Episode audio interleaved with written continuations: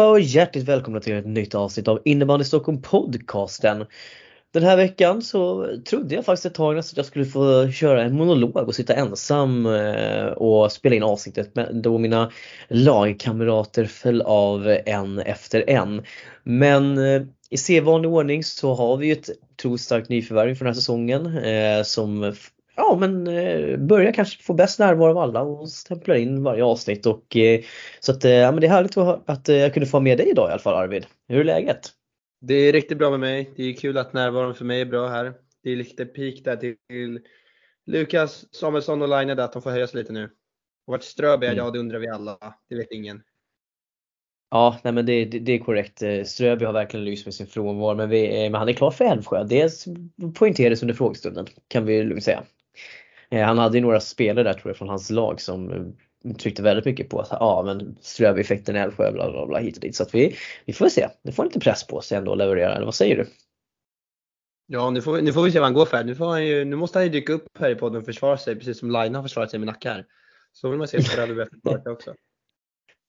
Ja, och, eh, men vad, eh, vi kan väl börja med att liksom tacka alla som skickar in sina frågor till frågestunden. Att vi, jag tycker vi har haft två två riktigt bra vändor här nu senaste veckorna och fortsätter det så här så tänker jag att vi håller i det här helt enkelt. Det blir ju mycket JAS-fokus men i och med att vi inte lägger så mycket tid på det i den vanliga podden så tycker jag ändå att det, det ändå är okej okay att det är så. Eller vad säger du Arvid? Nej men, det, nej men det håller jag faktiskt 100% med mig på. Och det är väl lite så vi har det nu. Så det fungerar bra. Ja, och jag tänker att jag skulle bara vilja förtydliga det. Eftersom att det ändå, det kommer på tal med jämna mellanrum. Eh, det här lite varför vi följer vissa serier som vi gör. Det har ju kommit en del kommentarer om att ah, vi följer ganska många herrserier och inte lika många damserier. Och jag tänkte jag vill bara förtydliga det återigen för jag, jag, tycker inte att man kan, man kan det går aldrig att göra det tydligt nog utan man behöver repetera men vi har valt ganska aktivt att vi damettan är den lägsta som vi följer. Och sen så damallsvenskan och SSL då lite pratar vi om. Och det är för att kvaliteten från dam 1 till dam 2 den faller ganska snabbt och intresset för de här serierna är ganska låga generellt. Eh, och det är därför som vi inte heller, när vi har så många serier så måste vi någonstans dra linjen för vad vi kan följa och lägga energin på också. Sen finns det såklart vissa lag i, två, i tvåorna som vi tycker jag är intressant att se vad som händer med dem. Kanske något med trean här och där. Men i grund och botten så Eh, så blir det för mycket för oss att följa och i och med att vi har vi, vi inte följer de två lägsta herrserierna eh, så tycker vi ändå att det ändå är fair också på ett sätt i och med att vi inte följer de två lägsta damserierna. Eh, kvalitetsspannet däremellan är alltså ganska likartat om man ska, skulle dra någon form av jämförelse mellan de här. Eh, och sen så kanske det upplevs ganska ofta att vi pratar mindre om damerna men det, tyvärr är det ju så att det är mycket mindre lag och mindre serier. Till exempel damallsvenskan är ju uppdelad liksom, det var sex stycken lag och, i den och då är det knappt, då är det ungefär lika många Stockholmslag som det är i herrallsvenskan norra på så vis. Um, och sen division 1 är det ganska många lag, det, det är vi glada för, lika många som är herrettan såklart. Uh, men det ebbas ju ut sen fort liksom så att um, det är inte så att vi med, med vilja ger mindre tid utan ibland blir det så bara helt enkelt. Och, eh, eh, ja, men du har ju haft några konversationer med några lyssnare Arvid på, mm, på, på Instagram. Jag tycker ändå att du har, du har lagt fram det där på ett bra sätt också. Eh, vi måste ju liksom ändå också eh, vi vill ju ha någon form av kvalitet också så vi, vi måste ju dra linjen någonstans. Och jag tror ändå att folk förstår det men med det sagt jag eh, vill ni vara med i ett avsnitt och prata daminnebandy? Alltså, gör, alltså hör av er till oss. Alltså, jag tar jättegärna med lite extra röster som gillar daminnebandyn och vill belysa den ännu mer. Och jag tycker att vi gör det ganska mycket själva också i de här specialavsnitten som vi släpper där vi ändå haft en del fokus på damerna också. Men, eh, nej, men som sagt, är det någon som är sugen, eh, hör av er bara. Jag tar jättegärna in och snackar lite med lite mer daminnebandy. Eh, speciellt när Östra inte har kunnat vara med och nu är jag glad att jag har med dig Arvid som ändå har lite koll på det. Så att, eh, ja, vill du fylla i någonting där? Men, men alltså det, det, det är väl lite, lite som hur jag ens hamnade i den här podden. Att det gäller liksom ta lite initiativ att om man vill liksom att något ska upplysas, man vill förändra någonting, då får man liksom ta initiativet. Det är bara att höra av er och säga men jag vill snacka om det här, jag kan bidra med det här, jag har koll på det här. Det var ju ungefär lite så jag hamnade i den här podden, att jag helt enkelt hörde av mig med vad jag kunde bidra med helt enkelt. Och så hamnade jag här. Så att om man var med i podden och gör ett inslag, ett avsnitt sånt, så tycker jag verkligen att man ska höra av sig och berätta lite vad man vill prata om eller vad man tycker att, liksom att det här kan jag bidra med. Så hoppas vi att vi får in några i podden. Ja men precis, alltså, jag menar, man behöver inte vara bestående att man ska vara med varje gång liksom. Men vill man bara vara med i något avsnitt och prata lite, men gör det liksom. Det, det tycker vi är jättekul. Alltså, det här är ju, podden är ju för er, er lyssnare och det här är för Stock, innebandy Stockholm för att det ska finnas någon som pratar om det som vi gör i distriktet och att det ska finnas någonting att diskutera kring. Och, så att vill ni känna att ni har någonting att bidra med, hör av er. Vi, vi bokar in någonting. Men eh, du Arvid, eh, det var lite, lite sådana små saker. Eh, ska vi gå in lite då på, för att vi, ska, vi har ju lite speciellt upplägg idag. Vi, ni som är vana som har lyssnat nu har ju hört att vi tragglar igenom en del serier. Idag kommer vi göra lite annorlunda. Vi har några fokuspunkter som vi ska landa i. Vi ska såklart köra en hiss och diss. Det, kom, det, det, det avslutar vi alltid med. Eh, och sen ska vi göra en varsin Eh, vi kommer göra vår, en varsin drömsexa också eh, i slutet av avsnittet så vi bjuder på lite extra saker idag. Och sen så kommer vi prata om ja, men lite nyheter som har varit. Och eh, Känner du dig redo att åka Arvid? Ja det gör jag självklart, nu åker vi. Mm. Ja och eh, vi ska väl kanske börja i att eh, efter att vi hade släppt vårt förra avsnitt där Eh, så var det bara dröjde några dagar innan eh, ja, men det, det, det, hände, det började storma i Täby igen helt enkelt. För att eh, som de flesta vet nu vid det här laget fick Robin Andersson sparken. Och eh, han har väl själv inte riktigt gått ut och sagt större anledningar till varför. Vi har väl lite information som vi har fått men det är ingenting som jag vill ändå komma ut med här med podden. Jag tänker att de där bitarna får ha sin gång och det kommer väl komma fram vad som har hänt sen förr eller senare. Men det här gav då som sagt ringa på vattnet. Vi har sett liksom hur eh, ja, men folk har varit upprörda på sociala medier och undrar vad som händer och alltså just med tanke på Robin Anderssons bakgrund som både som ledare, förening och spelare under så många år. Och eh, det slutade också med att i samma vän, eh, några dagar senare så fick, eh, kom Micke Öhman och, eh, eller enligt Täby FC, så kom Micke Öhman och Täby överens om att bryta hans kontrakt då med herrlaget. Och eh, ja, med omedelbar, omedelbar verkan. Och eh, det här ledde då till att, eh, eller man säger ju det men det verkar ju som att Öhman har, har fått sparken. Och eh, det slutade då med att det blev en, var en hel del gamla spelare från Täby som gick in och skrev och sågade på sociala medier och undrade vad, vad är det som händer med klubben och att ja, men de säger grejer som att lojalitet och sånt där, det, det betyder ingenting längre. Jag såg att Roslagskulla också gjorde något inlägg som jag tror var en liten pik mot det Täby hade gjort också där de berättade att hela sin ledarstab blir kvar. Och eh, ja, det slutade då med att eh, Täby kommer köra en interimlösning just nu där eh, assisterande tränaren Henrik Markstedt och eh, klubbchefen då, då Alexander Brinkman rattar herrettan-laget. Och eh, det är väl lite det som har har hänt till exempel. Eller till, inte exempel men det är det som har hänt. Och eh, som sagt vi har väl lite information så men vi, vi träffar ju faktiskt Öhman i specialavsnittet den här veckan så att vi kommer säkert att prata en hel del om just den här situationen. Men Arvid, vad, vad säger du om det här med Täby? Det känns som att det här är liksom i, det, det är väl typ det sämsta som kan hända Täby just nu med tanke på vart de med tanke på att man ändå har känt att Täby är på väg åt rätt håll nu senaste månaderna innan det här hände, eller vad, vad säger du?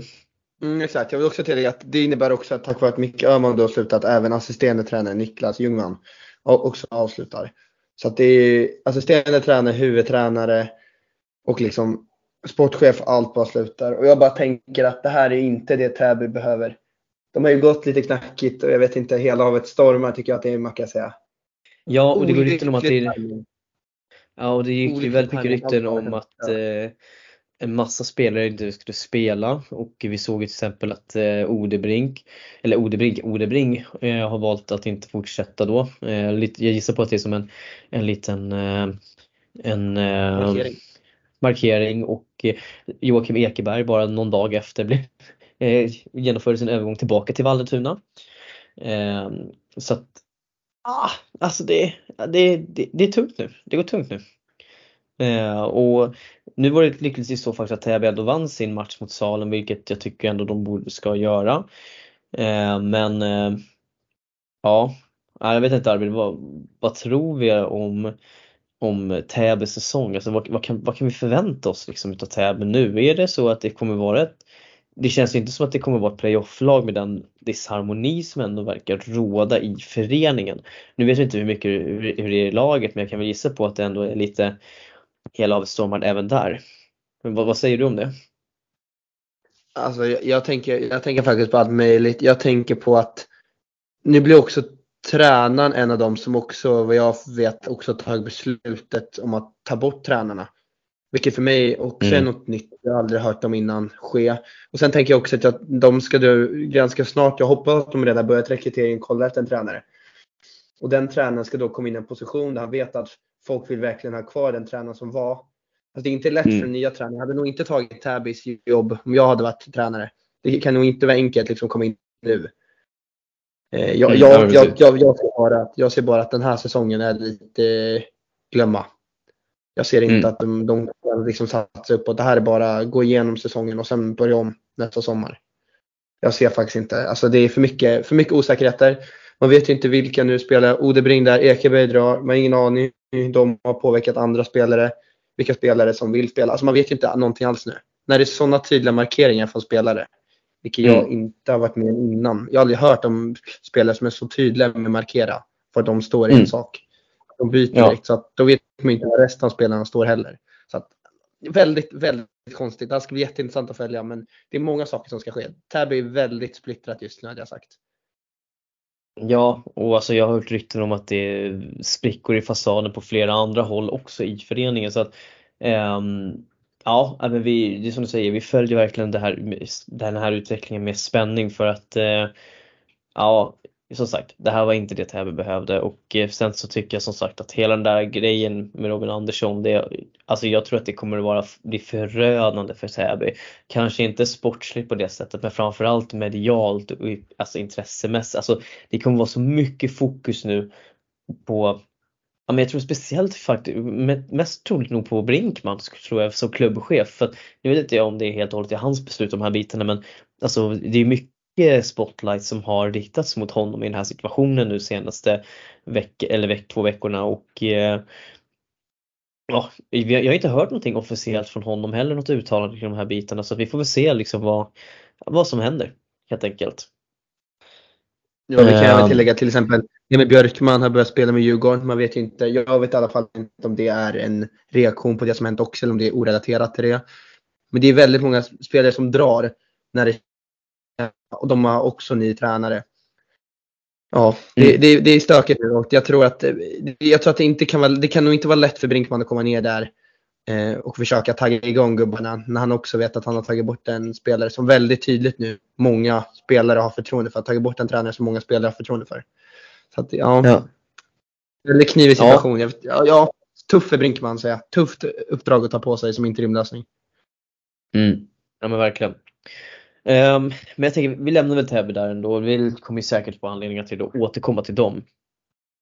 Och eh, det är ju inte bara Täby som har gjort eh, organisationsförändringar för att precis som vi nämnde eh, för de som lyssnar på specialavsnittet med Charlie Parastatidis så har ju även Hässelby en omorganisation där på sitt kansli och dylikt. Eh, redan inför säsongen så fick ju Jonny Persson som jobbar som kanslist en, en, en minskad tjänst eh, tidsmässigt. Det var väl en deltidstjänst då tror jag. Och eh, nu har man valt att helt enkelt att plocka bort kanslitjänsten helt och hållet.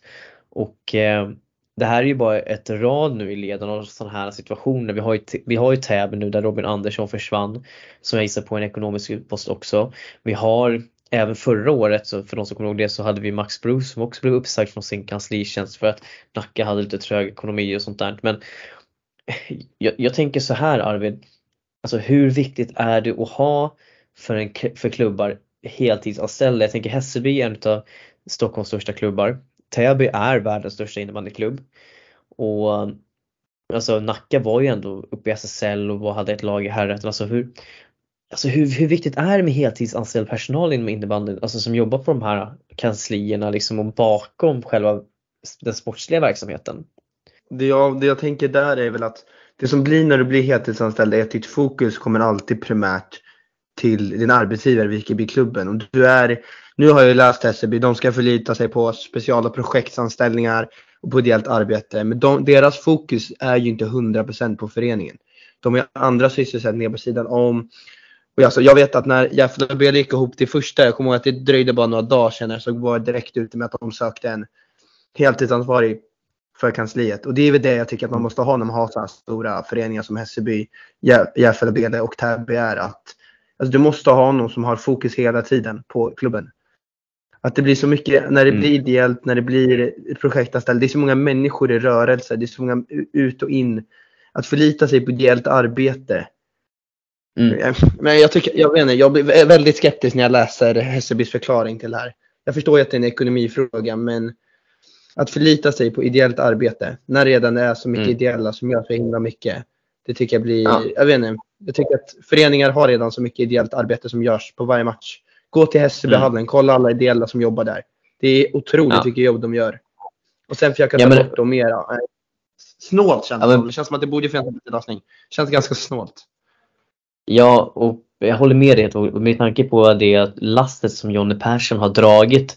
Ändå, alltså jag vet inte så mycket där men jag vet att han har gjort väldigt, väldigt mycket för föreningen, liksom varit närvarande och sånt där. Och jag tänker att jag tycker att det finns risker med att börja tänka att man ska ta in ideella krafter och special, specialprojektledare eller vad det är för något för att göra olika saker.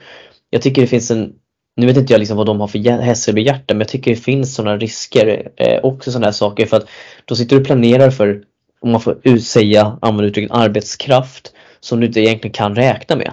För att det kräver att folk räcker upp handen och säger att jag kan göra det. Det är inte säkert att folk kan göra det. Och då riskerar ju, jag tror att det, mycket av det fina som Hässelby ändå har gjort riskerar att falla samman lite för att det inte finns någon som är alltså drivande som håller ihop arbetet om du förstår vad jag menar. Ja, nej men eh, vi har faktiskt fått med oss Stoffe här alltså, som alltså, eh, ja, men blev lite försenad här på grund av läggning. Eh, och det är ju så det är småbarnslivet, det är liksom inga konstigheter. Men vi, jag är såklart jätteglad över att även du Stoffe nu har dykt in så att jag eh, slapp att vara ensam tillsammans med Arvid. Det kan ju vara lite läskigt ibland liksom. Men eh, hur, hur är läget med dig? Jo men det är, det är bara bra. Um, um, var ju en uh, spännande helg som var. Så att, eh, och eh, har ju, har ju hänt mycket i innebandy i Stockholm så att det, det är kul, få, kul att vi kunde vara med på slutet nu i alla fall. Ja, eh, vi satt just och pratade lite här om Hässelbys situation där, där Jonny Persson nu får lämna sin, sin, eh, sin anställning. Då, då. Den har ju redan minimerats liksom innan säsongen men försvinner nu helt och och eh, där man bygger mycket av rörelsen på ideell arbetskraft nu i tanken och eh, att man ska ta in typ specialprojektledare, jag vet inte om man ska kalla det för konsulter kanske till och med. Men eh, du som ändå har liksom, ändå varit med lite och följt SCB också på sina, har du något inspel kring det här? Um, alltså jag tycker att det är uh, spontant så känns det väldigt märkligt. Eh, sen vet man ju inte, som utomstående så har man ju naturligtvis inte koll på, på ekonomin. Liksom. Alltså finns det inte pengar så finns det inte pengar. Eh, eh, så att eh, eh, så, så, så kan det ju vara. Liksom. Samtidigt så är ju eh, SEB en så pass stor förening mm. att det, är, det är väldigt konstigt om de inte skulle ha eh, har råd med, med, eh, med en ordentlig liksom, organisation kring, kring eh, eh den sportsliga ledningen. Liksom. Mm. Eh, sen vet jag ju, alltså det, eh, det har ju det har ju omgångar eh, snackats lite om att eh, den där styrelsen i Hässelby kanske är, är aningen aningen märklig. Liksom. För jag vet ju både en och två ledare som har på olika nivåer eh, mm. ja, men, eh, lämnat för att det har eh, funnits lite konflikter i och kring, kring, kring styrelsen. Liksom. Eh, så att min bild är väl att så här, det har väl under längre tid funnits en, en disharmoni i den där föreningen. Eh, där typ källan ungefär är styrelsen. Liksom. Um, Alltså så att det, liksom, det har liksom varit, det har liksom legat hela tiden under. För vi har ju sett ändå, känslan har ändå varit att Hässelby har varit ett väldigt bra ställe att vara och verka på liksom. Men, men att det är liksom, du tänker att det har liksom lite varit en fasad som har sminkat över att det har funnits andra organisatoriska problem. Eh, ja, eh, och, och eh, som, som jag har förstått det så har det väl varit eh, alltså en kombination av kanske lite personkonflikter men även att eh, eh vissa har känt att eh, det inte funnits någon, någon egentlig eh, ambition från, eh, från, från mm. styrelsens sida att, eh, att satsa på att utveckla föreningen. Liksom. framförallt kanske på, på när det gäller elitsatsning och herrlaget. Liksom. Mm. Men eh, eh, det där är ju, det är alltid svårt liksom som, som utomstående eh, att veta exakt alla turer såklart. Liksom. Eh, när man bara hör, men, men vi har, det finns ju ändå en, svart på vitt att det är ju eh, det är en hel del ledare som har slutat i Hässelby. Liksom. Eh, mm. Så att någonting är det ju liksom. Ja men precis.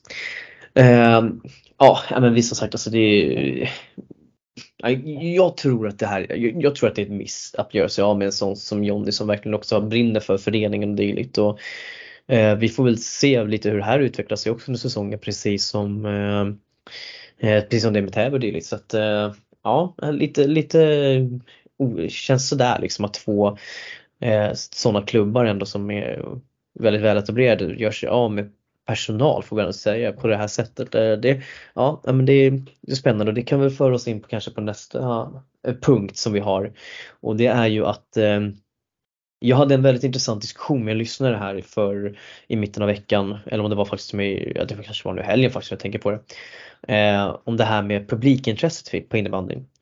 Eh, om vi tar AIK till exempel, de lockade jättemycket publik till sin första match. Men vad hände sen match två? Ja men 67% av publiken är borta.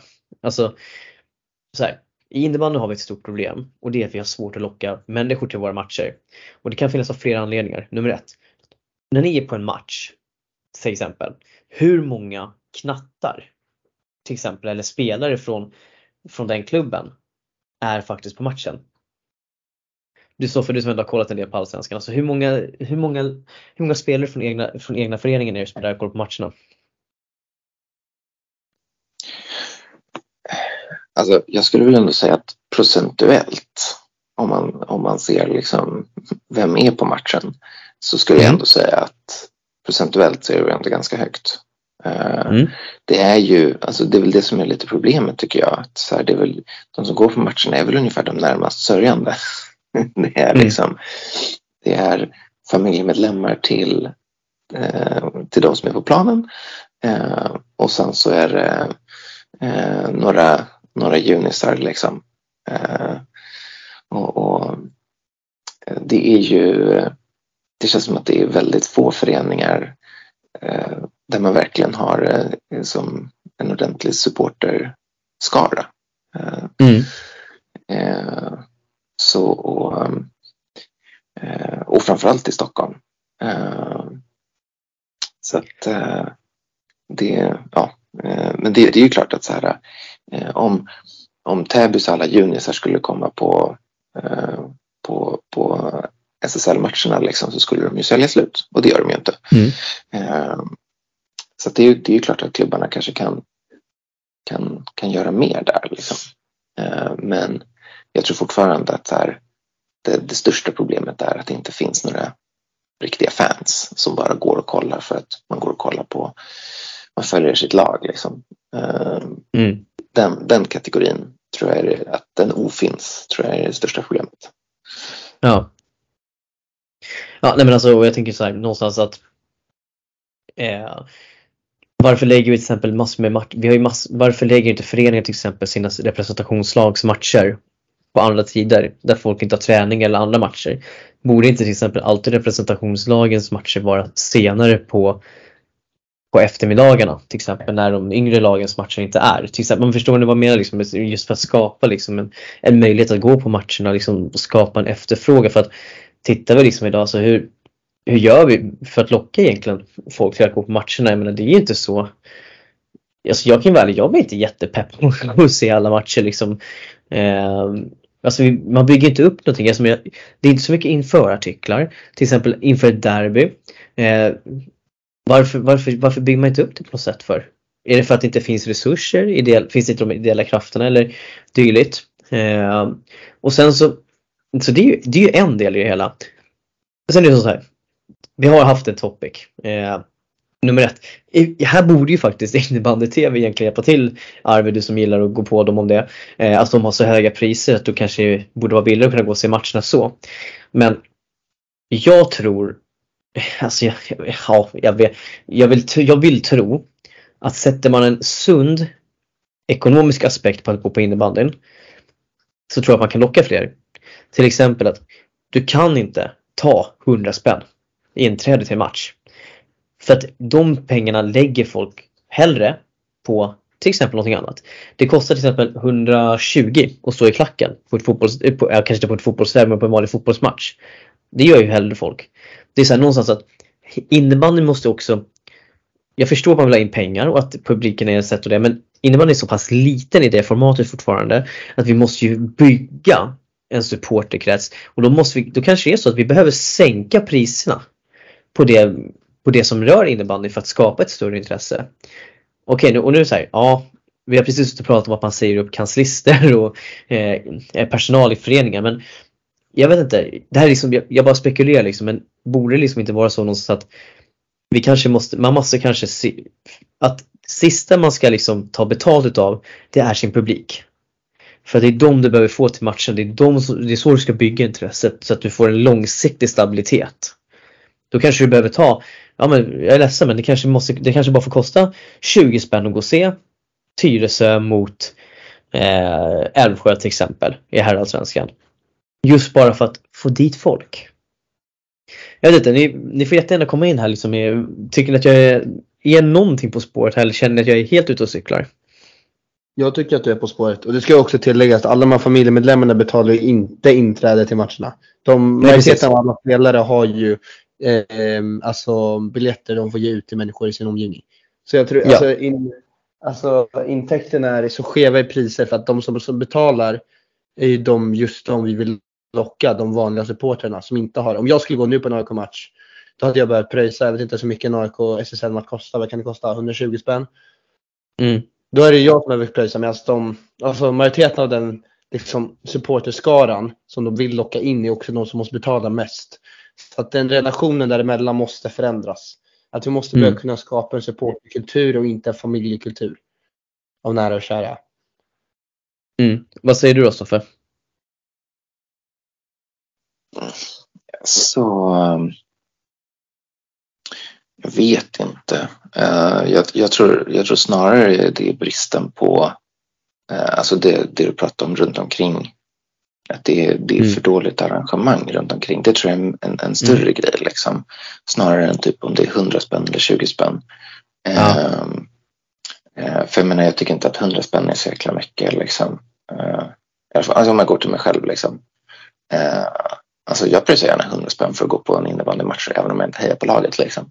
om det är bra innebandy. Så att, um, men det är klart, det är väl um, det, det, har nog kanske mer påverkan på en 18-åring som går på gymnasiet. Liksom. Eh, så. Men, men, jag tror fortfarande att det största problemet nog är eh, att det, eh, det finns så, så lite som, som du tog upp det här med att så enkel sak som matchprogram till exempel. Mm. Jag menar, det är klart att det, det, tar ju, det skulle ju ta tid att fixa matchprogram till varje hemmamatch. Liksom. Ehm, och det får väl bli typ ideella i så fall för att som sagt klubbarna mm. har inte så mycket pengar. Ehm, men jag tror att det är sånt som man skulle behöva ehm, få in. Jag tror också att man skulle behöva få in lite nu alltså lite av den eh, ja, men känslan som ändå Gorillas eh, gett eh, Bele. Eh, att, mm. det, att det finns någon form av liksom, lite halvtöntig klack. Liksom. Eh, eller som Djurgården hade för några år sedan med de här eh, de, de tappra få eller vad de hette, glada, glada få eller någonting sånt. Mm. Eh, det var väl typ två, tre killar som satte upp mer eller mindre ett tifo själva på, eh, på liksom kortsidan i Eriksdalshallen. Mm. Um, men det såg ju jättekul ut. De hade ju liksom bandroller och flaggor och sen stod det tre pers där. Liksom.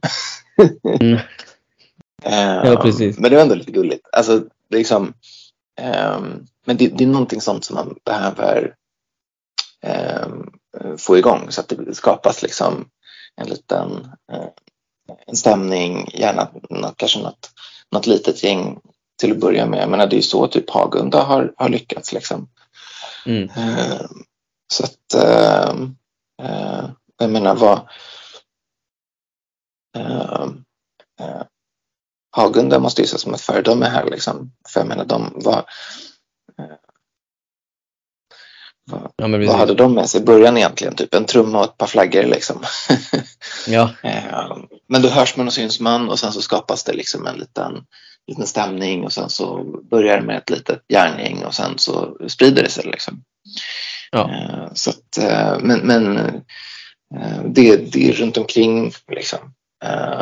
Och, och Eh, men som sagt, det tar ju tid liksom om man ska hålla på med spelarpresentationer, matchprogram och kanske försöka skapa något tifo. Liksom. Och det är klart att det, det kommer ju vara ganska tröstlöst i början eh, för det, kommer, det, det, tar ju tid innan, innan sånt här, liksom, innan man lyckas på riktigt. Liksom. Och då, då kommer det ju mm. se lite tantigt ut i början när man har ett tifo med tre pers. Liksom.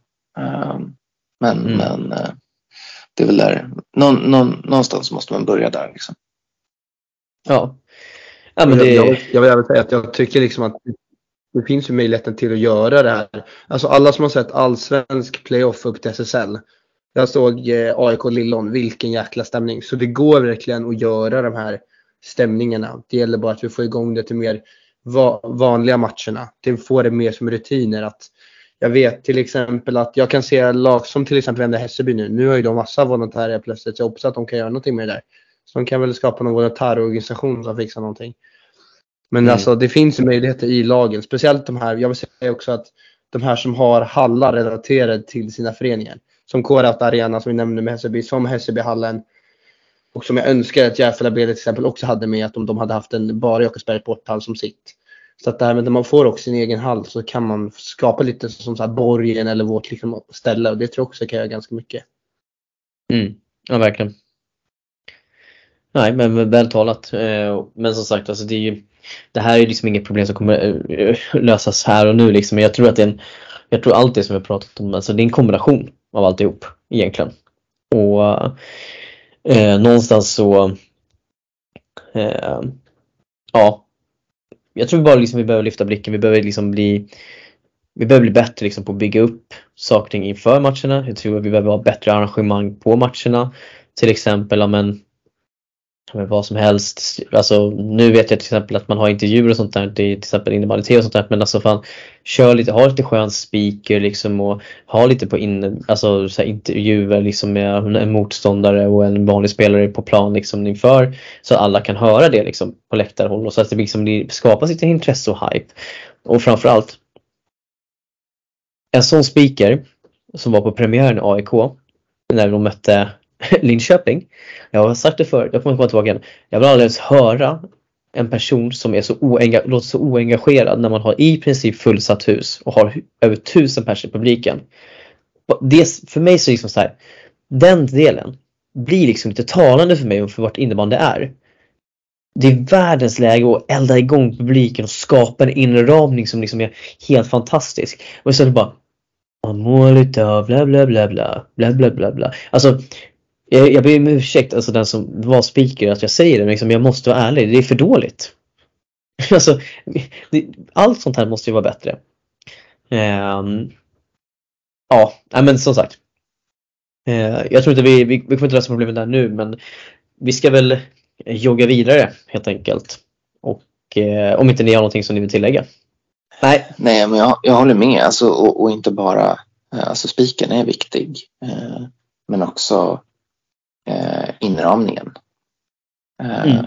Alltså, alltså eh, att man har en eh, eh, ordentlig liksom, spelarpresentation i början, eh, gå igenom första femman och sådär. Jag vet att viss, eh, det brukar ändå lagen vara hyfsat bra på, men jag vet att det är ganska, det är lite blandat liksom. Men där behöver man göra Mm. mer än att bara släcka ner och sen typ räkna upp första femman liksom. Det är kul om Ja. det är liksom någon, någon happening, eh, att man eh, Ja, men jag håller med eh, det ska kännas maffigt liksom. Men precis så. Alltså det, det ska ju verkligen, som du säger, det, det ska liksom man skulle vilja komma till, man ska ju verkligen vilja komma tillbaka. Det är den känslan du ska lämna med. Oavsett om det förlor, laget du förlorar, som du håller på att förlora eller vinner. Liksom. Du ska ju, man ska ju skapa känslan av att, ja men, ja, nej men, man vill komma tillbaka. Helt enkelt. Eh, ja, nej men eh, snyggt. Eh, vi ska gå vidare.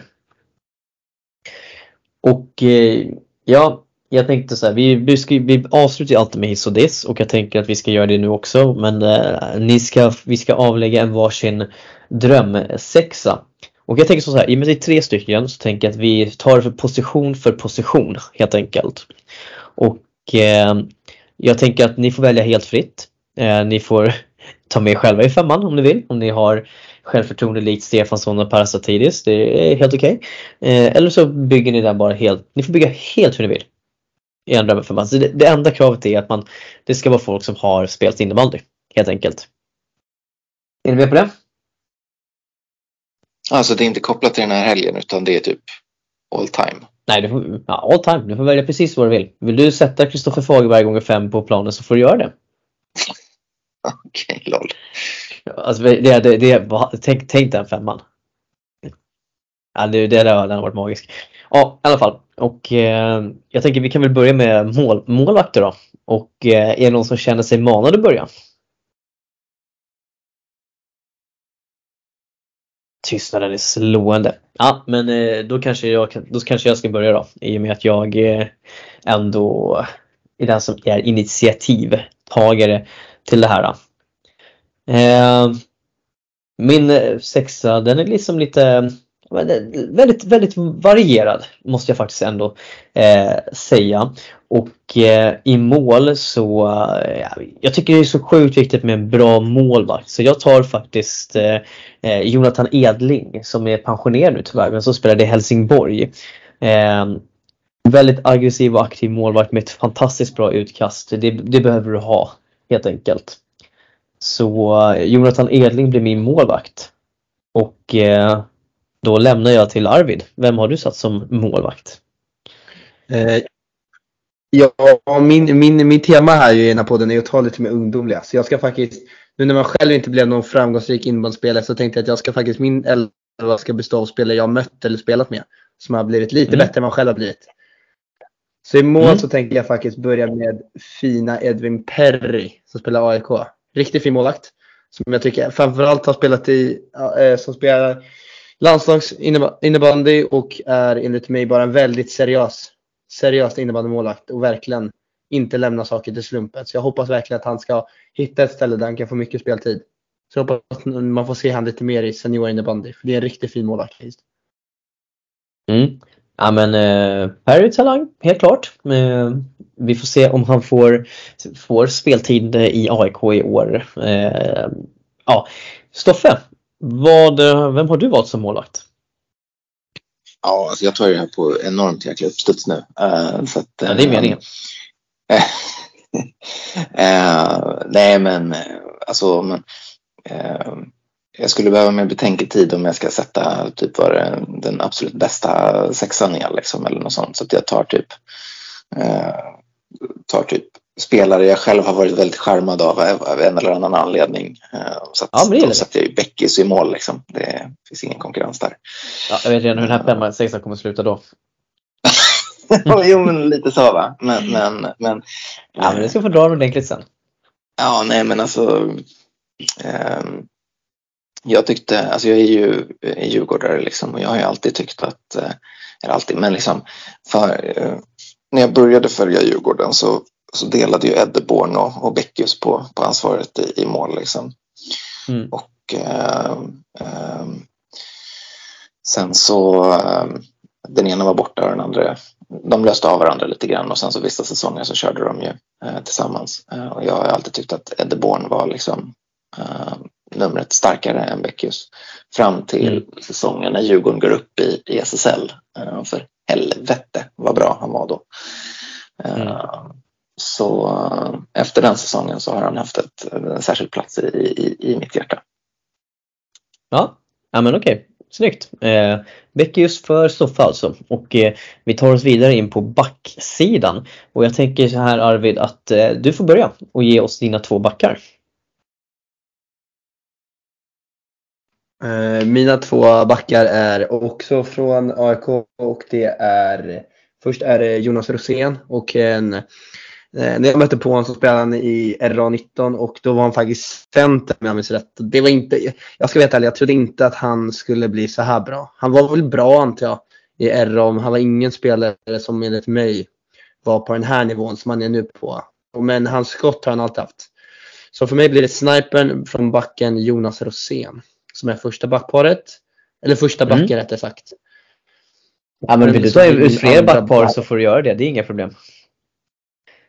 Ja, vi kör, jag kör båda backarna på en gång faktiskt. Ja, men du sa att du ska ta in första, säga att han ska in i första backpar. Då tänker jag, okej, okay, då kanske du har tagit ut ett helt lag här, vem vet? Ah, nej, nej, ah, sorry, sorry, det är bara jag som, nej, sorry. Jag har bara en, en det är bara jag som, det är bara jag som ja, det här på Men eh, så blir min andra faktiskt eh, en nära vän till mig, Alex Andersson. Som, alltså, om ingen har insett hur bra han är, då kan jag bara säga att han, han har startat varje match nu i AIK SSL. Han kommer från division 2 där han snittar en poäng per match. Otroligt seriös. Alltså jag, jag har inte sett en spelare i hans ålder som liksom bryr sig om att varenda pass ska sitta. Varenda skott mm. ska gå i mål. Alltså, han, han, vågade liksom, han vågade säga ifrån till rutinerade 30-åringar när liksom att passen inte sitter. Han visar liksom mm. ingen nåd. Så det där är för mig en framtida, enligt mig, alltså uppe mot, det här kommer vara en riktigt, riktigt bra spelare i framtiden. Mm. Så att han är för mig helt, helt given. Riktigt bra spelare. Mm. Ja, men snyggt. Stoffe, dina två backar. Sådär. Eh, ska jag ta båda eller bara en nu? Nej, ta båda. Mm. Uh, första uh, kanske blir lite wät för de som har sett honom på senaste tiden då, men Isak Bengtsson. han, jag tar, tar ut honom som back för att han lirade back i Salem. Eh, mm. han, han, har ju spelat lite all over the place i, i Hagunda nu då. Men eh, jag har sett honom både som center och forward. Men eh, han är ju eh, han, han, han, är bra var man än sätter honom. Eh, och, mm. Eh, jag blev väldigt, väldigt charmad av, av honom när han lirade i den där säsongen i, i Salem och som dess har det varit en av mina favoritspelare. Alltså inte den, inte den mest eh, spektakulära spelaren liksom. Men, men eh, gör eh, få misstag, väldigt laglojal ehm, och har, ja, men har väldigt mycket innebandy i sig. Liksom. Alltså han har ju offensiva mm.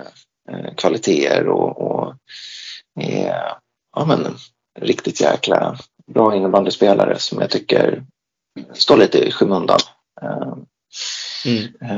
Det har inte riktigt blivit hypen kring honom som det har blivit till, i mina ögon, betydligt sämre spelare. Uh, mm. Så uh, men jag, gillar, jag gillar honom som fan. Uh, och sen uh, ta ut en personlig favorit. ett riktigt jäkla rövhål.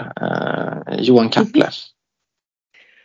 Eh, alla, alla, all, alla lag behöver ett rövhål. Eh, det vet man. Eh, och eh, det finns eh, få rövhål som är bättre än Kapple. Eh, och alla som har sett honom eller mött honom eh, vet, vet liksom, det är, det, det, är inte riktigt så här, det är inte killen som går in och är, är super fair play. Men eh, han, sätter, han sätter respekt i motståndarna. han gör ett grymt defensivt eh, jobb eh, och är en så här, riktigt jobbig spelare att möta. Eh, och då, då, kan man, då kan man ge lite licens åt den andra backen och gå lite framåt också. Så att det, det, det blir en bra kombo med honom och Bengtsson. Mm. Ja men spännande. Ehm, eh, jag hade en stabil, riktigt bra målvakt och sen så nu kommer jag, från utspelarna kommer jag förhålla mig till sådana som jag själv har coachat eller tränat då.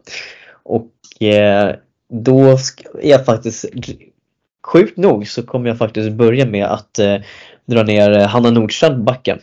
Eh, just för att, även om jag vet att hon helst vill spela forward så eh, i den här uppställningen så vill jag ha henne som back. Dels för att hon kan hota med sitt avslut eh, längre bak, kan fylla på med lite mer med fart. Eh, Ja, jag tror hon kommer göra det bra ifrån och då tänker, tänker man, tänker alla lyssnare, vilka fan har han satt på forwards då? Ja men det, det kommer ni få se. Ehm, sen bredvid henne så måste jag faktiskt ändå ha en gammal adept i Sebastian Andersson från, som spelar i Djurgården idag. Ehm, eh, den utvecklingen och resan som han har haft de senaste två säsongerna tycker jag, eller egentligen tre säsongerna tycker jag är det är väldigt imponerande och att han nu också är lagkapten i Djurgården tycker jag säger ganska mycket om den resan som han har gjort. Han har varit riktigt bra för dem i år också så att eh, det är otroligt kul att han som är urgnagare ändå är lagkapten i Djurgården innebandy. Det är lite, det är lite kul faktiskt. Men ehm, eh, ja, Sebbe Andersson, eh, bra, bra gubbe. Eh, skönt surr. Eh, lite väck ibland men det, det, måste man ju vara på, på ett positivt sätt ska jag säga. Så att du får inte ta dig av det här Sebbe nu. Eh, men så Sebbe Andersson och Hanna Nordstrand väljer jag som mitt backpar helt enkelt. Ja Stoffe, du, det är din tur att vara först ut och då vill jag ha din center. Eh, min center, det kan, det kan bara vara en. Eh, det är Patrik Kareliusson. Eh, det är, eh, alltså det är ju inte Eh, innebandymässigt så det är ju inte den, den bästa centern. Eh, han, han har ju defensiva svagheter utan, utan tvekan. Liksom. Eh, och Eh, och så. Men alltså offensivt så, så är han så, så jäkla jäkla bra. och jag vet inte hur många år han, eh, han och Gavelin och Chans i princip bar Djurgården själva till, till slutspel i, i allsvenskan på, på egen hand. Liksom. Eh, så det, Eh, han, är, han spelar en innebandy som blir väldigt rolig att kolla på. Eh, det, och eh, det kan svänga, svänga en del, liksom, både framåt och bakåt. Det, det blir kul att kolla på, även för en, för en neutral, tycker jag. Mm. Ja, då ska jag ge min center och eh, då väljer jag att ta in eh, Saga Emtell som spelar till i Rönnby till vardags, tidigare Bayern och Nacka och eh, har en, en fantastisk fysik på centern, bra tvåvägsspel. Kan se lite loj ut ibland men otroligt, eller loj vet jag inte om hon kan se ut men man, man kan tro att hon är lite långsam och sånt där när man ser henne för första gången men man vet att det är jäkla explosivitet hos henne och eh, har bra kemi med Nordstrand till exempel och eh, jag tror hon är en perfekta balansspelare med tanke på de två forwards som jag sen väljer. Eh, Arvid, din center. Eh, min center är en SSL-spelare inte i A7 utan i Kalmarsund och det är William Forsman Eklund. Som eh, när jag mötte honom så måste det ha varit då i Farsta och eh, han, är, han är inte den största till storleken och han var ännu mindre då. Men han är otroligt snabb, alltså otroligt snabb. Han är helt omöjlig att ta bollen ifrån. Och han, man ser nu bara på alla, man ser nu vilket tempo han har, att det här drivet framåt. Lite Hampus Arenaktigt det här med att det, liksom, det behöver inte vara några snygga Zorro-finter men det är en otroligt bolltempo, ett otroligt fart med boll. Så att William Forsman Eklund är min center. Riktigt bra pick. Riktigt bra val kanske borde säga. Ja, nej men eh, tack för det Arvid och eh, vi ska gå vidare in på forwards och jag tänker väl att man får väl avge båda sina forwards här i samma vända och eh, jag, eh, då börjar väl jag då, då och eh, då väljer jag på att sätta på högervinge. Så Josefin Ekerhov som till idag spelar i Nacka i damallsvenskan. Eh, jag, jag ratade henne till distriktslaget för 03 när, när det begav sig. Men hon, hon har verkligen, hennes utveckling har verkligen exploderat och var ju som sagt topp, jag tror hon kom tvåa i poängligan i Allsvenskan västra förra säsongen och har väl inlett helt okej okay i Nacka nu också.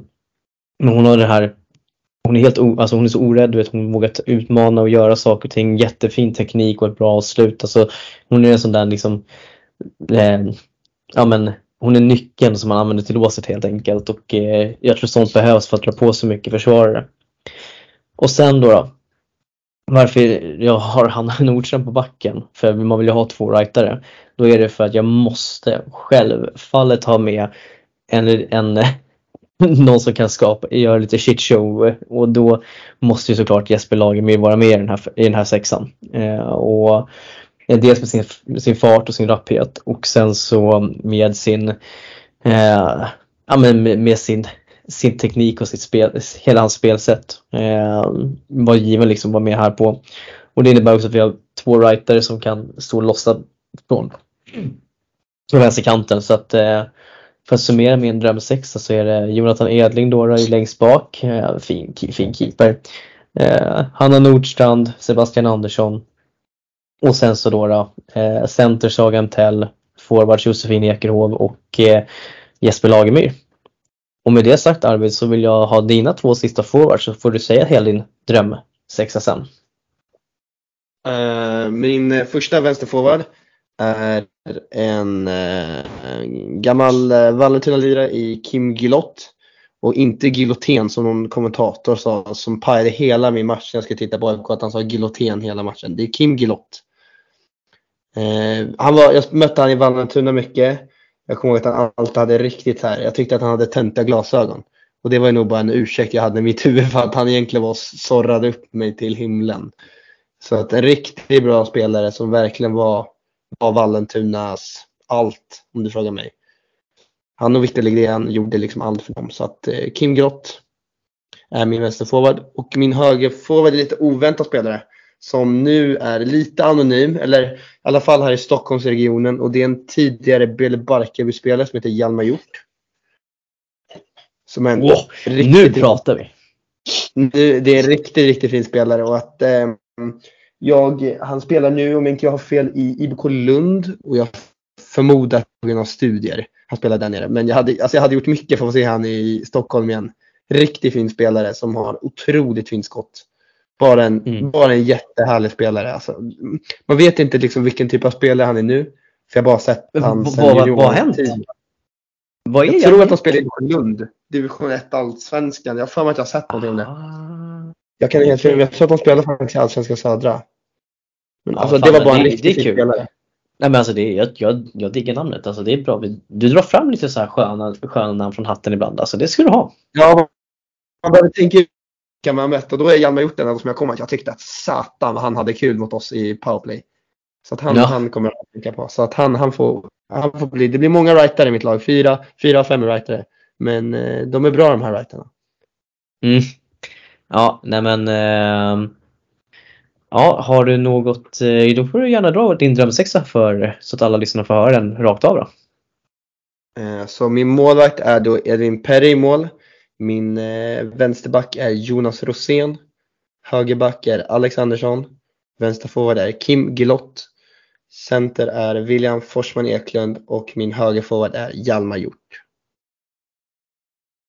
Ja, snyggt! Stoffe, dina två sista forwards och sen så drar du hela din drömsexa och så kan du väl börja med att förklara varför Party är med i din femma. Eh, vad sa du, det sista? Så kan du också berätta för oss varför Patrik Chans är en del av din drömfemma. Jag har faktiskt petat honom nu för jag tyckte att det var... Eh, det men det vore ju, ja, nej, men alltså, det, det, så, det, vore, det vore ju så supertråkigt om jag tog Gavelin och chans nu liksom. Eh, det vore så jäkla uppenbart. Eh, ja, kul. Så sjukt det tråkigt. Jag Ja, nej, men så tänkte jag fan jag måste, jag, må, jag måste vara lite mer kreativ än så. Eh, och nu tog jag ju Kapple för att balansera att jag valde Isak Bengtsson på backen. Så att, jag har ju balanserat backarna lite. Nu kommer jag inte alls balansera forwardsen. Så det kommer, ju, det kommer smälla bakåt. Eh, men det får det göra. Eh, som höger forward så tar jag Oskar Christensen. Eh, för att han är så jäkla bra. Ja. Och det är väl liksom motivation överflödig. Eh, alltså killens, den, den blick för spelet som han har är liksom eh, ja, det, det, är hög SSL-klass. Liksom. Det som inte är ja, hög SSL-klass är väl hemjobbet. Liksom. Mycket svårt att upprepas.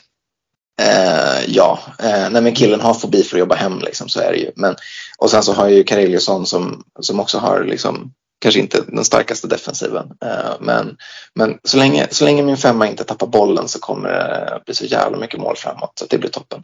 Mm. Och sen så Eh, som vänsterforward så sätter jag Mattias Andersson. Mm. Dels för att eh, han är en spektakulär spelare på allsvensk nivå. Eh, jag tycker att det är väldigt kul att, att se honom lira innebandy. Men också för att jag tror aldrig jag har sett ett lag bli så fruktansvärt dålig bara av att en spelare går därifrån. för att Tullinge kom ju eh, tvåa eh, eh, den där pandemisäsongen när det inte blev något kval. Mm. Så att Thorengruppen som vann eh, allsvenskan gick upp bara på att de vann serien så att säga. Eh, men helskotta vad Tullinge var bra den säsongen. Eh, och, och framförallt så var första femman på en annan planet. Eh, och eh, det var, det, de, till säsongen efter så ska ju sägas, det var ju en del från, från andra femman eh, som lämnade och som ändrade struktur på andra femman, eh, vilket gjorde att ehm, eh, Tullinge eh, tappade liksom i kvalitet. Mm. Så var det att Mattias Andersson lämnade och helt plötsligt så såg det ut som att så här, den där första femman var ju, var ju liksom dödlig och knappt ens bra. Ja, nu överdriver jag lite, men alltså, det var liksom ja det var ljusår i skillnad på, på, på första femman och på Tullinge. Liksom. Eh, och de, de klarade ju, de, från att ha varit liksom, kommit tvåa med, med god marginal neråt så fick de kämpa mm. för livet och klarade sig med typ tre poäng om jag minns rätt eller något sånt från att åka ner. Ja. Liksom. Så att så här, äh, ja, och den skillnaden är typ Mattias Andersson. Liksom. Mm. Det, ja. Jag tar ut honom på det. Ehm, så, att, ja, men, eh, det, så min sexa blir eh, Bäckhus i mål. Eh, backpar Isak Bengtsson och Johan Kapple. Eh, och sen Mattias Andersson, Kareliusson och Kristensen. Snyggt. Där har vi dem. Tre drömsexor som eh, alla hade levererat kanon på en, eller annan nivå. Eh, ja, tack för det gubbar och jag tänker att eh, vi eh, går vidare till sista segmentet för den här veckan och eh, det tar vi efter en liten paus. Ja, eh, och det har blivit dags för eh, hiss och eh, diss. Och ja, som sagt vi har ju inte pratat någonting om serierna den här veckan. Och jag tänker ibland så behöver man bara göra lite uppehåll från det vanliga köttet om serier och resultat och sånt där. Och bara man vill prata om lite andra saker också gällande innebandyn här runt omkring. Eh, och, eh, men eh, jag tänker ändå att vi, vi kör den klassiska hiss och dissen och det kanske kommer lite av helgens eh, saker på tal. Och eh, ja Arvid, jag tänker du i sedvanlig ordning får börja.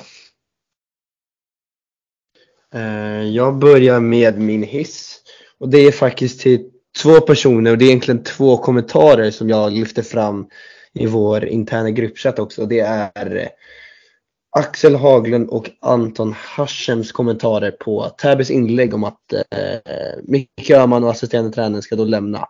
Och det jag tyckte var så bra med de här kommentarerna är just att ett, att de är tidigare Täby-spelare båda två. Men framförallt Anton Hashem med stor erfarenhet från Täby som spelare. Och att de liksom vågar, inga trollkonton, inga fejkkonton bakom. De vågar liksom i öppen chatt där alla kan se säga vad de tycker och tänker och det är någonting jag verkligen tror att innebandy i Stockholm behöver. Mera öppna diskussioner och debatter. Det är mycket debatter i innebandy i Stockholm ska folk veta.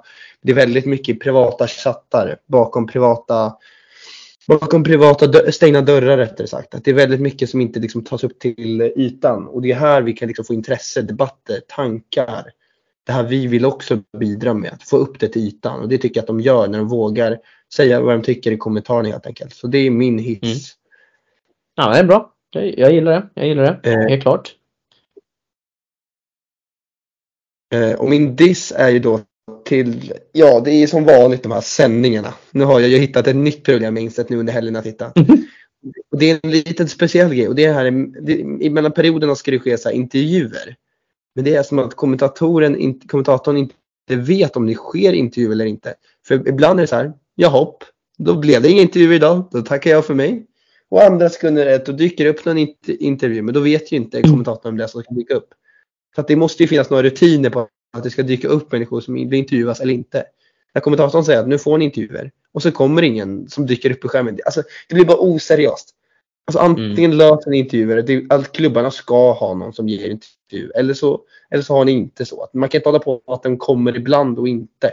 Det blir bara jättepannkaka och ser bara oseriöst ut. Så det är en ny grej jag saknar. Eh, har börjat störa mig på rejält. Så att, ja, bättre in på det. Ja, nej men eh, jag eh, hör dig. Jag, och jag håller helt med.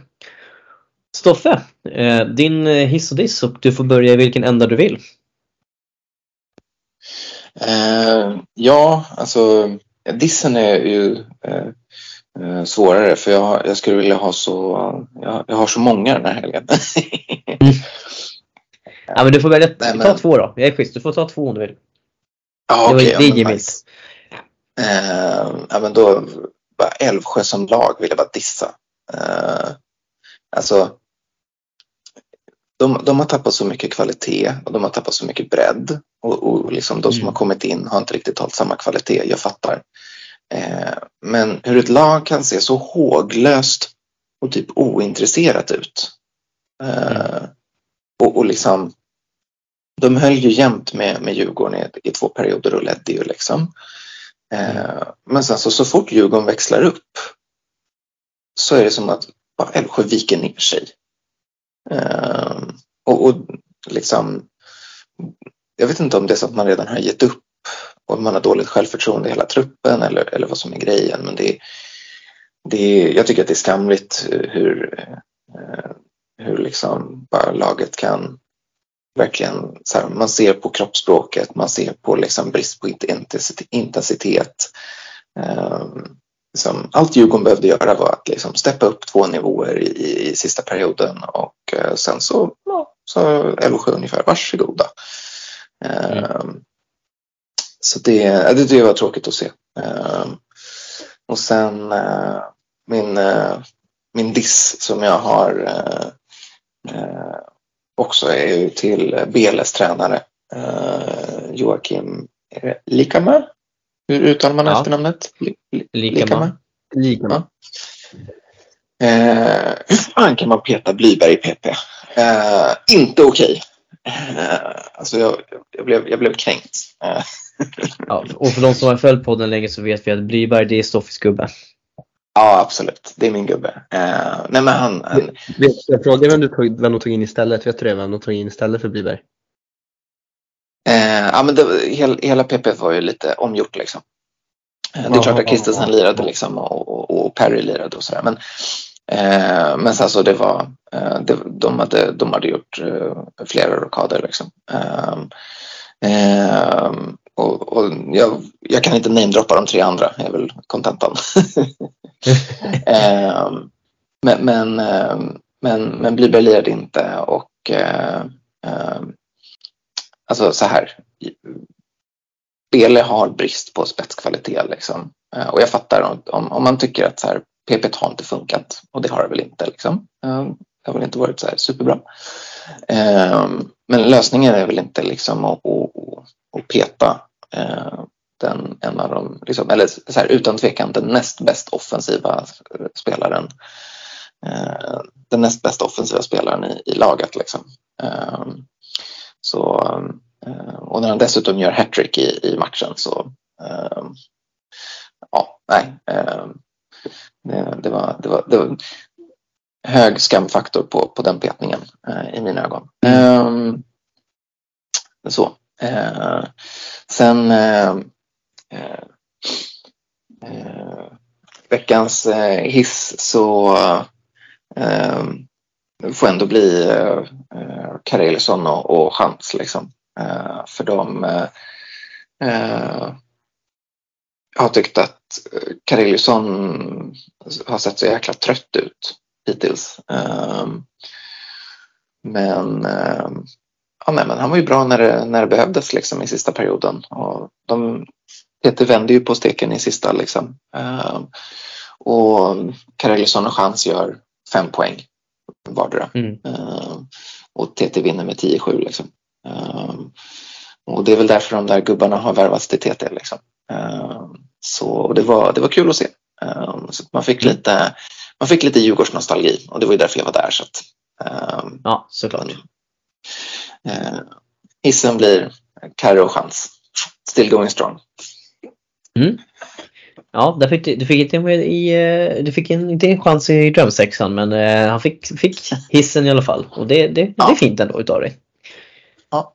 Um, ja, jag har två hissar till att börja med. Jag vi, börjar med vi börjar med den roliga ändan då. Och uh, först så vill jag lyfta på hatten för uh, Offensiv Lidingö i herr junior ja-serien som faktiskt uh, slår uh, det stora utropstecknet Danderyd med 5-3 här i, eh, här i fredags tror jag att det var. Eh, inte fått så mycket rapporter från matchen men jag tycker det ändå är sjukt imponerande att man eh, ja, men gaskar upp sig efter den där förlusten mot Hässelby och faktiskt ändå går in och eh, vinner mot ett bra Danderyd. Och, eh, så att, eh, det tycker jag de förtjänar en hiss för. Eh, bryter man ett sånt segertåg då, då ska man hyllas tycker jag. Eh, samtidigt kanske det var bra för Danderyd också att få den här torsken bara för att okej okay, men vi ja, men hålla fötterna på jorden.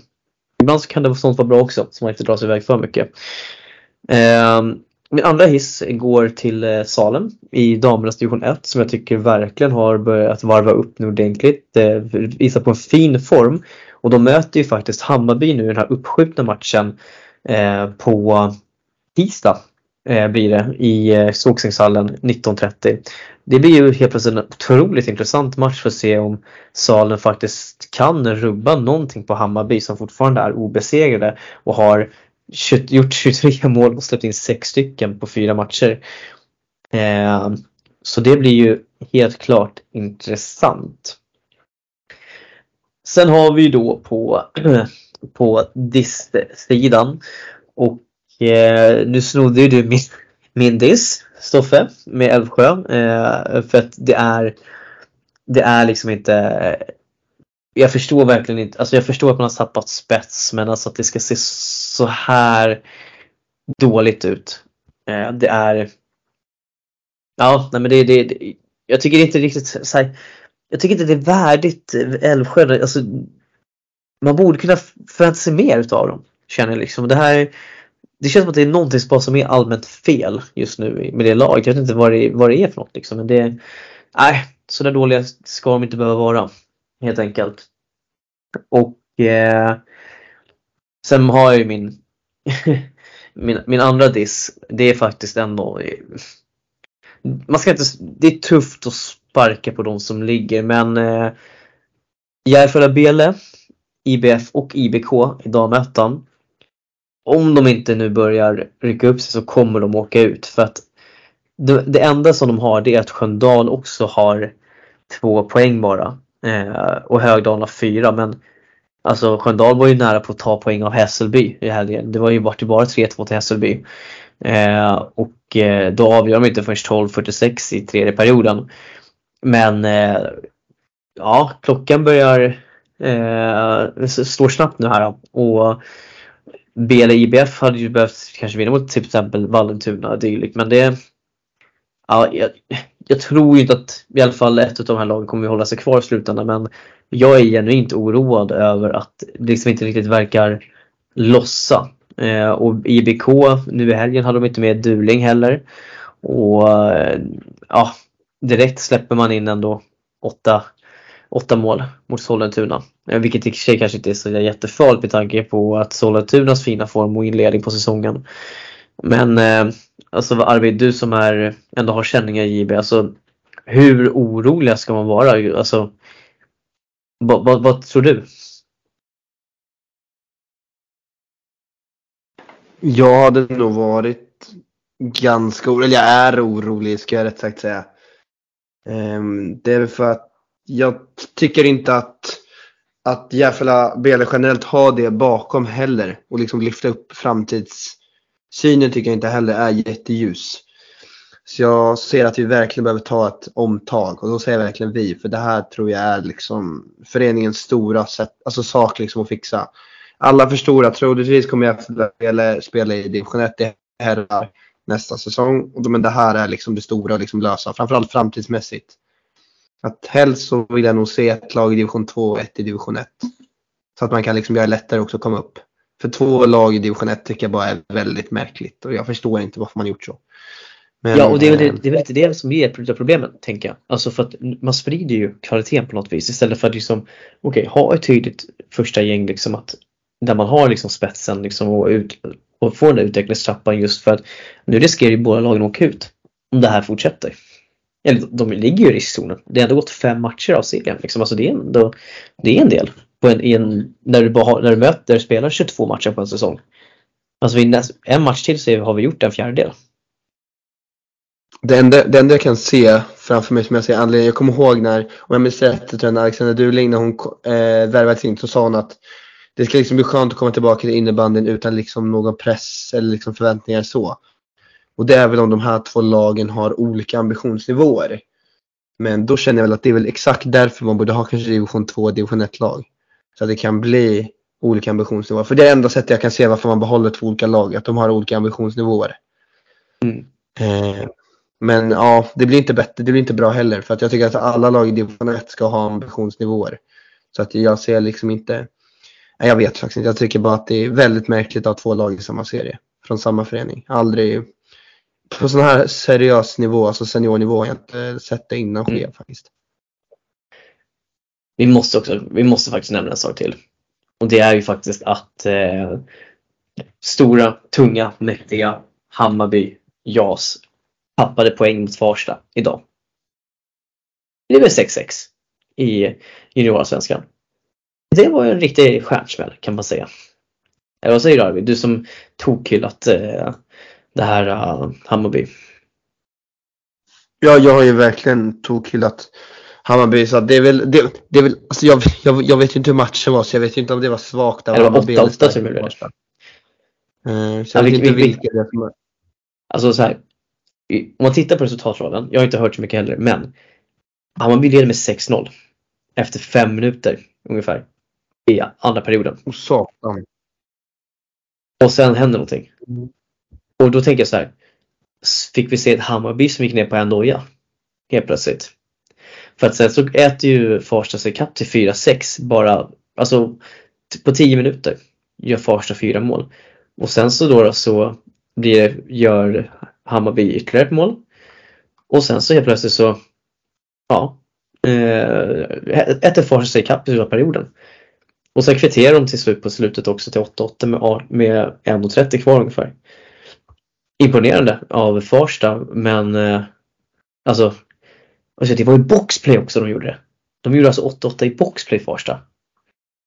Boxplaymål är fina. Det är fint alltså ja. med boxplaymål. Ja, det, är det är få saker som är lika fint och lika irriterande som man släpper in ett boxplaymål.